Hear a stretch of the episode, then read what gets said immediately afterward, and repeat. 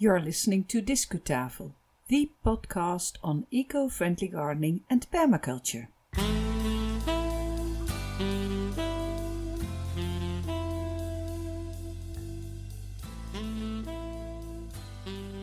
Welcome to this episode of Discutafel podcast, the first Dutch podcast on eco friendly gardening and permaculture. I am Yvonne Smit and I am your host. I founded Discutafel podcast together with Marlies Notemans, who is still my sparring partner. Every other Thursday we publish a new Dutch show, usually with original content.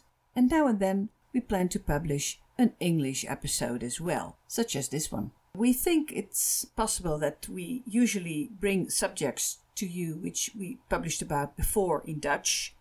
Um, we loosely translated them for you and updated them from you for you, but it's never the same way we, speak about the subject as we did in Dutch. So, in the case you are Dutch and you have a subscription to the Discutafel podcast, you will certainly hear something new. But wherever you're from, we would be delighted to hear from you please visit Discutafel on our website, discutafel.nl, or on Twitter, which is Discutafel. It's simple as that. Now and then we're on Facebook as well, but I must admit it's not on a daily basis. In this episode, this is the episode of November 1st, 2018, by the way. In this episode, I'm looking back to my visit earlier this year to Birmingham uh, to the big garden show called Gardeners World Live. But let's start with a short introduction for you on permaculture. Enjoy the show!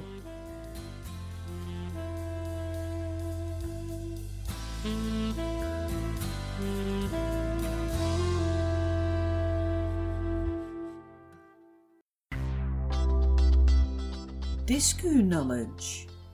Discutafel is uh, partly inspired by permaculture. And what is permaculture? Uh, how did it uh, come to be? Um, how was this mindset being developed and why? And what are the differences between permaculture and organic agriculture? Permaculture um, is a word which consists of two parts and they uh, have their origins in the Latin language. The first part is permanens, which means persistent, and the second part is cultura, which means household. So we're talking about a persistent household here.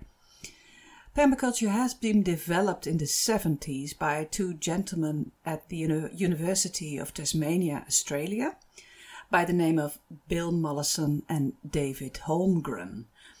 These founders of permaculture wanted to find solutions for the big problems agriculture faced at that time. In the day to day agricultural methods, they used lots of fossil fuels, and these fuels became scarcer and expensive, so it became clear that this method had no future anymore. Monoculture makes us very vulnerable because of the lack of biodiversity, natural biodiversity, uh, it's a very great risk of mishaps in the crops because of illnesses. Another problem was the groundwater pollution because they used lots of insecticides and artificial fertilizers. Permaculture tries to find solutions for all these problems by studying natural principles. They watched closely how small food production systems worked. And when they found out the principles of this, these food production systems, they tried to translate these into a new design in order to help mankind to survive in a sustainable world. So, permaculture is a design system. That means you can use permaculture in agriculture but also in other fields of life. And here we have a big difference between permaculture and organic agriculture. In permaculture, you design a system around mankind and you think of it as mankind as being part of that system. Another difference between permaculture and organic agriculture is the use of perennial plants. We don't like to use plants who live, which live only for one year. And that's because it's very easy to work on the land when the plant stays there for a couple of years and their roots don't disturb the soil that much. And that's another difference between organic agriculture and permaculture. We like the no dig method. Method. Uh, just leave the soil, let let the soil do its own work. There's um, all mechanism being busy under your feet, working for you with fungi and bacteria and small creatures. Just let them do their work and don't disturb them. In permaculture, we are not very fond of crop rotation either. We do have our rotation systems, but it's more complex.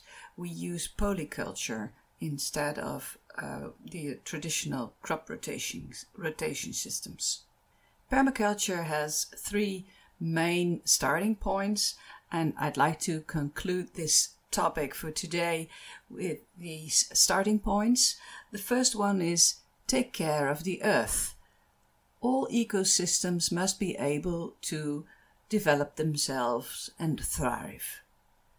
The second starting point is take care of people.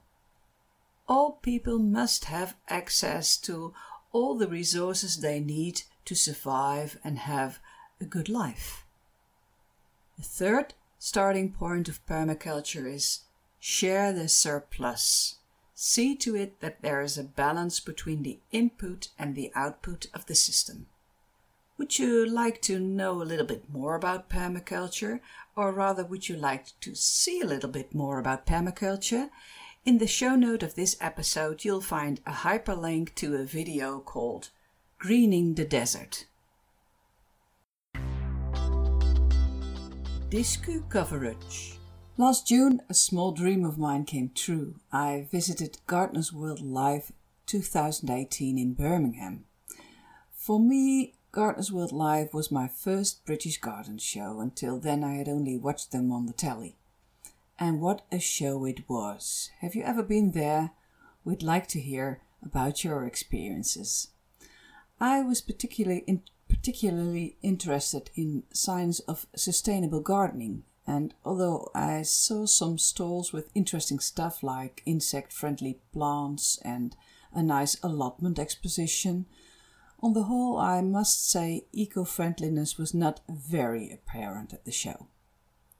Apart from eco friendly information, I must admit I did want to see and hear the famous TV gardeners too uh, Carol Klein, Alan Titchmarsh, Adam Frost, and so on. And I was impressed not only by their expert knowledge, but also by their ability to entertain the public in a professional way without acting like a popular star. One of these TV gardeners is Monty Don, presenter of uh, BBC Gardener's World. This is a rather popular program for garden enthusiasts here in the Netherlands, and I suppose UK gardeners tune in as well every Friday night from spring until autumn. I like Monty because he uh, is an organic gardener without talking about that too much. He, he his way of gardening is following nature whenever he can, without um, uh, every time talking about it. It, it it's like uh, it's going fluently, and I like that his way. Discutafel published two Discu specials on Gardeners World Live earlier this year but since this is only our second English broadcast, you probably haven't heard these episodes yet. So we thought it might be a good idea to mention those episodes. In the show note, I'll put some links to these shows. Um, apart from English clips, they do have some Dutch texts now and then as well, but I hope you'll enjoy the specials anyway. As a treat for our international listeners, we republish a few clips now with Mr. Monty Don. His view on life and gardening inspires me. And in these clips, he and Mr. James Alexander Sinclair are chatting about gardening. First, Mr. Don encourages us to have a pond in the garden.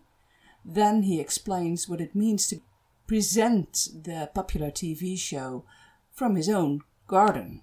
The question is where does publicity end and where does privacy begin?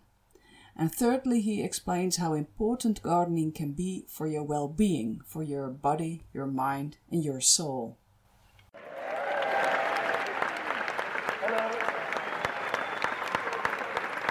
Morning. Morning. Your pond has been there for ooh, quite a long time now. Uh, No, no, Joe we- helped me make it. Yeah. Uh, so it has been there for six, seven years, and we've done practically nothing. Just happened. Ponds, uh, if you want to encourage wildlife to your garden, and quite frankly, in 2018, anybody who doesn't want to encourage wildlife into their garden is an idiot. Because A, we need it, B, it's good gardening, C, it's lovely. Uh, make a pond. Make a small pond. Make a big pond. Doesn't matter. Make a pond. Ideally, for maximum wildlife, lots of plants, lots of plants around the edges. Don't clean it up too much. Yeah. Let leaves fall into it. Put some stones, put some old log or two into it. Habitat, cover. Yeah. Let things rot down, uh, and you will attract the richest, not just wildlife for the pond, but part of the whole chain and pyramid. Everything happens. It's extraordinary how fast it happens. Really, too, isn't it, really? almost literally overnight. Uh, I do design, and I take, you know, I try and do it really Do properly. you draw stuff? Yes, I do draw, Yeah. but I don't have to show it to a client. You have to show it to Sarah. Yeah, and she is the hardest client in the world, believe you me. Sarah and I, and Sarah is my wife, uh, and we've been gardening together for 39 years, and everything, and I mean down to the last plant, has to get past what we call the committee, which is Sarah. And Sarah has a veto, and that's that. So Sarah says no, What, No. even even a whole Gardeners World string that you're planning, if she says no, that's it. Uh, we have a system that, for Gardener's World, obviously television needs newness Yeah. all the time. When we moved to Longmeadow, I said I'm not going to do anything that I wouldn't otherwise have in the garden, but I am prepared to do things that I wasn't going to do yeah. because I didn't have the money or the time or, or necessarily the inclination at this moment.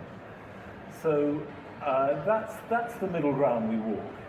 Uh, what I didn't say at the time is, I'm not going to do anything that Sarah doesn't want.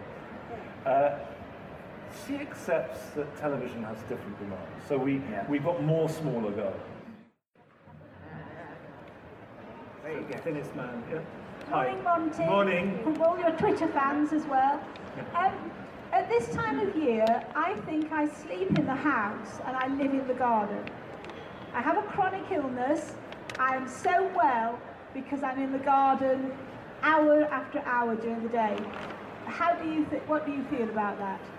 Well, I think, first of all, I'm delighted to hear that it's making you well. That's great. Uh, there is more and more research going on that gardening is good for you physically and mentally.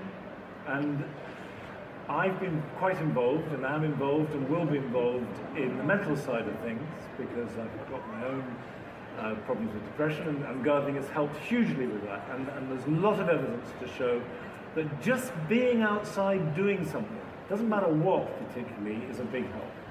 Physically, gardening increasingly is shown to be ideal exercise because you're using your muscles, you're moving, you're bending, you're twisting, you're, you're, you're not doing just repetitive pounding your knees on tarmac. I have terrible knees because I used to pound my knees running on tarmac. I wish I hadn't.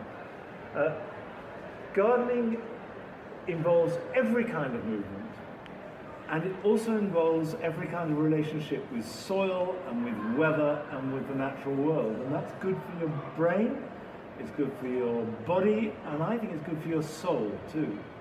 I just think it makes you a better human being if, if any of you sort of believe in such a thing, which I do. So yeah, gardening is good for you. I think as, I think as well, having your hands in the soil and getting the probiotic benefit from just having Yeah, I think. I mean, I think the on that level, I think there is. Um, again, there's quite good evidence with children. I don't know about adults that getting your hands dirty, ingesting that dirt, as it's called, and all the bacteria and the microorganisms helps enrich your own flora in your gut, and we all know now that the gut is as much to do with the rest of your body and your brain. Uh, there's very recently been a book published about the relationship between uh, your gut and depression. Uh, and that's healthy. I personally don't like wearing gloves. I like to get my hands dirty.